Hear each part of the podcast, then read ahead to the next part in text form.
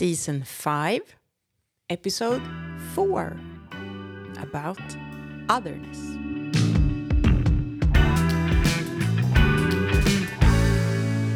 Otherness is the quality that someone has which is different from yourself or from the things that you have experienced.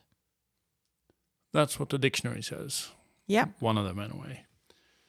So the fact is that everyone is different. Mm. We have different experiences and we are different individuals. And this can be very hard to live with. And it doesn't it isn't made easier by the fact that when you start dating and meeting people, they have a tendency of hiding their otherness. They put up a facade and they show what they think that other person likes and wants to see. Mm. Yes, yes. Mm. and uh, so we have some hormonal disturbances when we're in love and but this is a trick that everyone uses so you you show your best to the other person or at least what you think what they want so most relationships are started off in a in a poor position because you haven't actually shown each other who you are You don't want to show your otherness. No. and then as time goes by you can't keep control of it and it starts leaking out Mm-hmm. both of you. And this causes irritation, annoyance, fights, and usually starts after maybe two years when uh, the most of the love hormones have uh, disappeared. And why do they cause irritations and fights and annoyance, do you think? It's hard to accept that the other person is different and wants different things. Yeah. So this is back to the first episode where we said, I don't like to hear the words you're saying. I don't like what you're saying, yes. Yeah. Definitely. Because I want the message that you're saying to be the message I want to hear. Therefore, I don't want you to be other or otherness. Mm. So, in this episode, we want to make you aware of this if you haven't noticed it. And uh, that's the first stage of being able to handle it.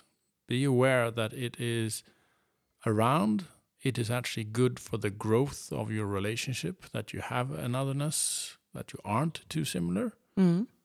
So, there are, are advantages to it, definitely. It can be hard, but uh, you need to handle them. And see it more like you have a partner uh, to, uh, what it, what is it called? To spar with? a sparring partner. A sparring yeah, partner. Yeah. And also that you have to be prepared to compromise, Mm. Negotiate. negotiate with your partner, compromise, listen, not always get what you want. No, take influence from Yeah. your partner. So these are lots of uh, classic uh, behaviors that are good for positive uh, relationships. Mhm.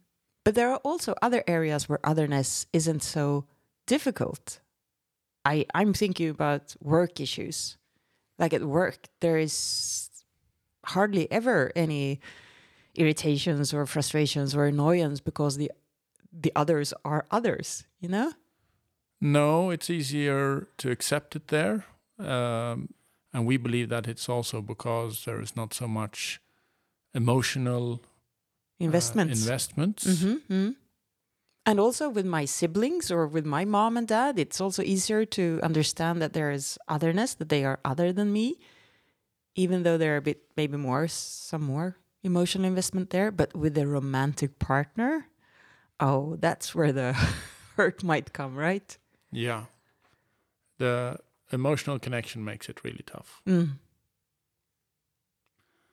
So you have to learn to accept that your partner is different and uh, Cherish it, perhaps. cherish it perhaps.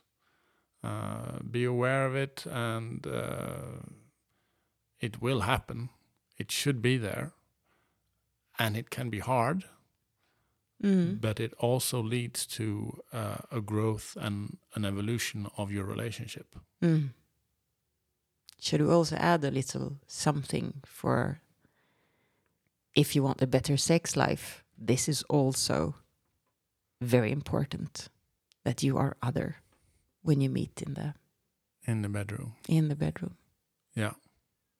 So if you haven't understood it yet, it is very important for you to respect that your partner is someone else from you, is an other.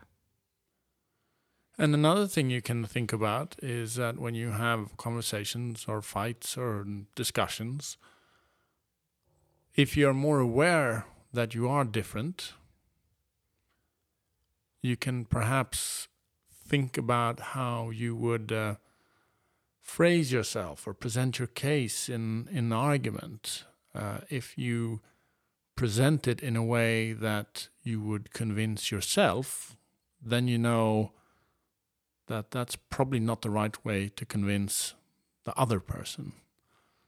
Uh, so this could be maybe a tool for you to think through some things before you discuss them and think a bit how the other person might think and maybe I can present this in another way and that could perhaps make you move forward instead of you always present it in the same way and your partner never understands because she's other Mm.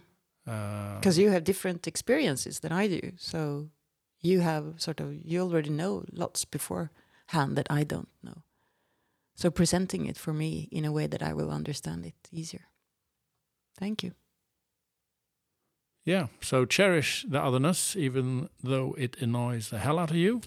yes, Uh, and um, it is good for you. be aware of it. Thank you for today. Bye.